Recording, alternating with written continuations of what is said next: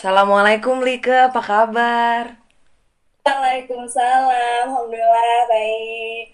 Aduh, udah lama nih. Gimana kondisi coronavirus di Jabodetabek? Di Depok khususnya kondusif sih, Alhamdulillah. Gue gak keluar-keluar rumah juga. Cakep dah.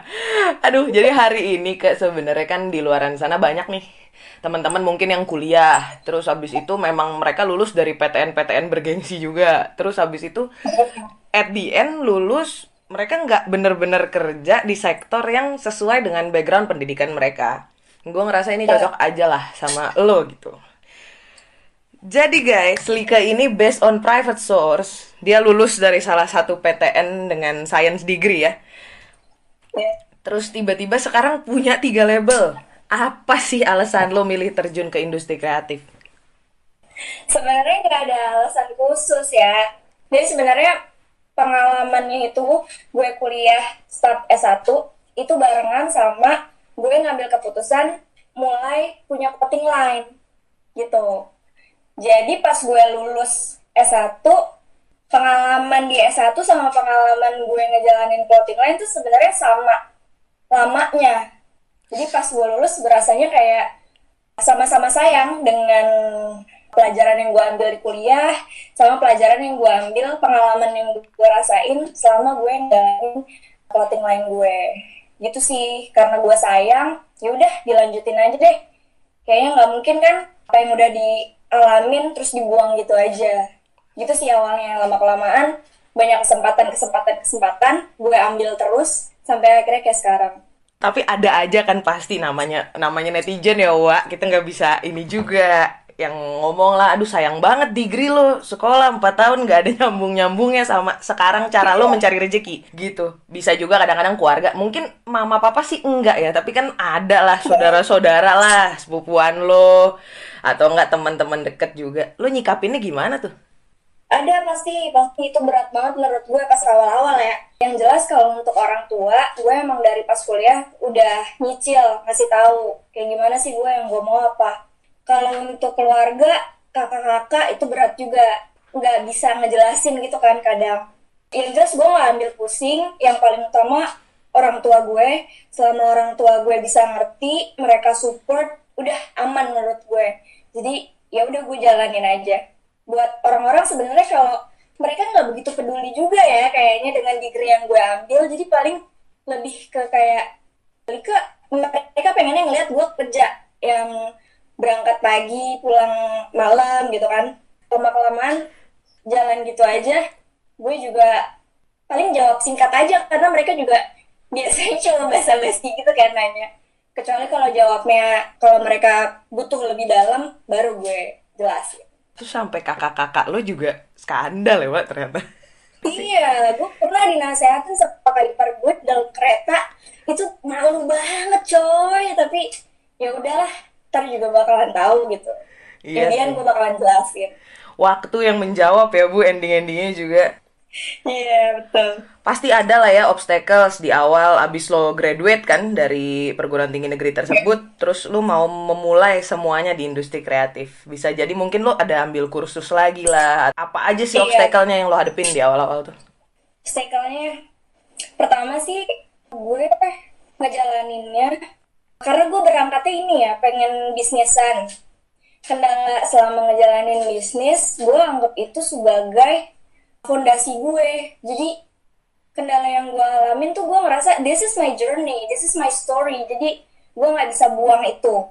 Jadi gue pakai itu sebagai gimana gue bisa lebih kuat ngejalaninnya. Terus lainnya ya kayak misalkan kursus sempet pas lulus gue ngomong sama bokap nyokap gue, Lika mau ngambil sekolah lagi. Masa S1 gue mau daftar D3? Masa dari S1 kok mau daftar D3 gitu? Heeh. ah lo mau kuliah lagi gitu kan kayak ah, ya udahlah gitu terus gue sampai diskusi sampai deal akhirnya sepakat tuh gue yaudah tahun depan gue coba daftar D3 fashion design syaratnya tuh bisa masuk tapi setelah itu tahun pas gue mau daftar ternyata nggak bisa coy usia gitu kan. Iya. eh tapi rencana lo emang indah ya. Iya, gue benar-benar. alhamdulillah gue ada seleksi short course gue masuk namanya YCV ngerasain lagi deh tuh gue kayak anak kuliahan di Bandung. Habis itu ya udah selebihnya kendala-kendala lainnya gue nikmatin aja sih. Short course itu di Bandung pasti kakak-kakak lu heboh juga ya. Teman-teman heboh juga. Ada gak yang bilang udah ke lu ngelamar kerja aja ke bank kah? Bang nerima semua degree atau apa kah? Ada. Sebenarnya kalau kakak gue ya kalau yang ngomong itu masih lingkungan keluarga awal-awal gue masih terimain gitu kan. Tapi nyampe di setahun dua tahun gue bete juga kan nggak boleh kirim lagi ke grup soal ini ah, gila di grup. Jadi mereka iya jadi karena keluarga deket kan Heeh. kalau misalkan keluarga yang kayak sepupu om tante gue mesti ngejelasin pelan-pelan. Kalau kakak gue gituin karena gue nggak bisa ngejelasin semua hal ke mereka gitu kan. Bener. Yang tahu cuma bokap nyokap gue doang nunjukin karya sih gue ngasih lihat ini ini ini ini gue ngasih lihat progres gue biar mereka percaya bahwa gue serius ngedalamin ini gitu bukan main-main itu tuh kadang-kadang yang juga jadi struggle buat teman-teman di luar sana ya. Ya lo paham lah ke anggap gue ambil contoh yang paling gampang kuliah kedokteran. Kalau kuliah kedokteran lu lulus tiba-tiba lu nggak kerja jadi dokter kayak sekeluarga, seteman-teman, sesemuanya ngomongnya aneh-aneh gitu ya. Padahal kita hidup juga nggak minta tolong, cuman mindset orang rata-rata. Terus gimana nih cara lo set up target dalam memulai bisnis? Karena kan sama sekali nggak sejalan tuh sama educational background. yang jelas waktu pertama kali mulai itu gue sok tahu banget sih ya udah asal mulai aja karena berangkatnya dari bisnis gue nyari tahu apa sih yang prospeknya bagus ada tiga. Fashion kuliner sama travel. Udah yang dua lain tuh kayak udah nggak mungkin gue akses. Jadi fashion gue pilih. Gue jalanin itu seadanya ada tiga tahunan kayaknya lama banget. Gue dapat kesempatan untuk magang kerja di lembaga bisnis. Gue kenal dia tuh sama mentor sama teman-teman lingkungan gue. Atmosfernya bener-bener ngajak ke yuk fokus di bisnis gitu. Di situ akhirnya gue mulai fokus. Oh ternyata salah yang gue jalani selama ini. Gue belajar sampai mual-mual ya kan? Gue akhirnya oke gue jalanin uh, gue perbaikin semuanya. Terus gue juga dapat kesempatan short course kan? Gue lanjutin selesai semuanya gue jalanin aja. Jadi gue terus belajar terus belajar sih. Kalau bisnis itu dari apa yang dipelajarin dari lingkungan dari teman-teman diskusi kebetulan gue juga ngebuat lingkaran gue di fashion tuh harus semakin luas gitu kan supaya makin kokoh gitu. Iya benar sih itu penting juga karena bisa jadi yang dari dalam mungkin teman terdekat nggak so nggak nyupport lo tapi justru dengan dapat lo lingkungan dari luar yang sepemikiran, sepassion itu justru malah bantu banget ya bu ya. iya lingkungan itu justru yang bikin gue kuat sih. Tips deh sekarang nih buat yang mungkin lagi di jalan yang sama seperti kita kita ini terus menemukan bahwa passion yang dia miliki itu nggak sesuai sama sekolah yang lagi dia jalanin.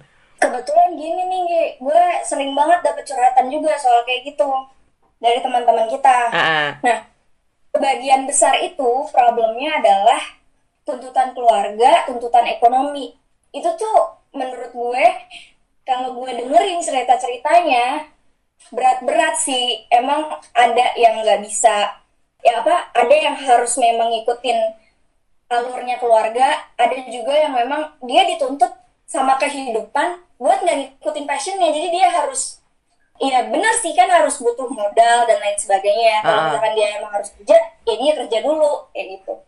Jadi yang pertama sih kenalin diri dulu, kenalin keluarga yang mereka mau kayak gimana, ekspektasi mereka seperti apa ke diri kita, kondisi ekonomi juga kayak gimana. Itu sih yang paling penting dikenalin dulu. Kalau misalkan udah tuntas, baru deh lakuin hal-hal kecil. Kadang kita suka ngeremehin hal-hal kecil.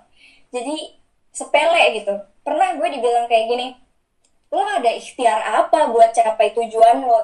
Padahal kan gini, ikhtiar sekecil-kecilnya ikhtiar yang gue lakuin menurut gue itu ikhtiar. gitu Iya kan. benar benar.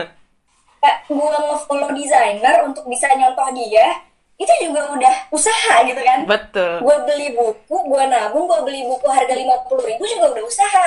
Jadi gue ngelakuin hal-hal kecil gue tumpuk tumpuk tumpuk gue sebutnya investasi di diri gue. Jadi gue investasi di diri gue gue lakuin semua itu dari hal-hal kecil itu. Dapat kesempatan-kesempatan besar. Makanya gue bisa ada di sekarang ini gue ngerasa bahwa itu journey yang gue bangun dari hal-hal kecil.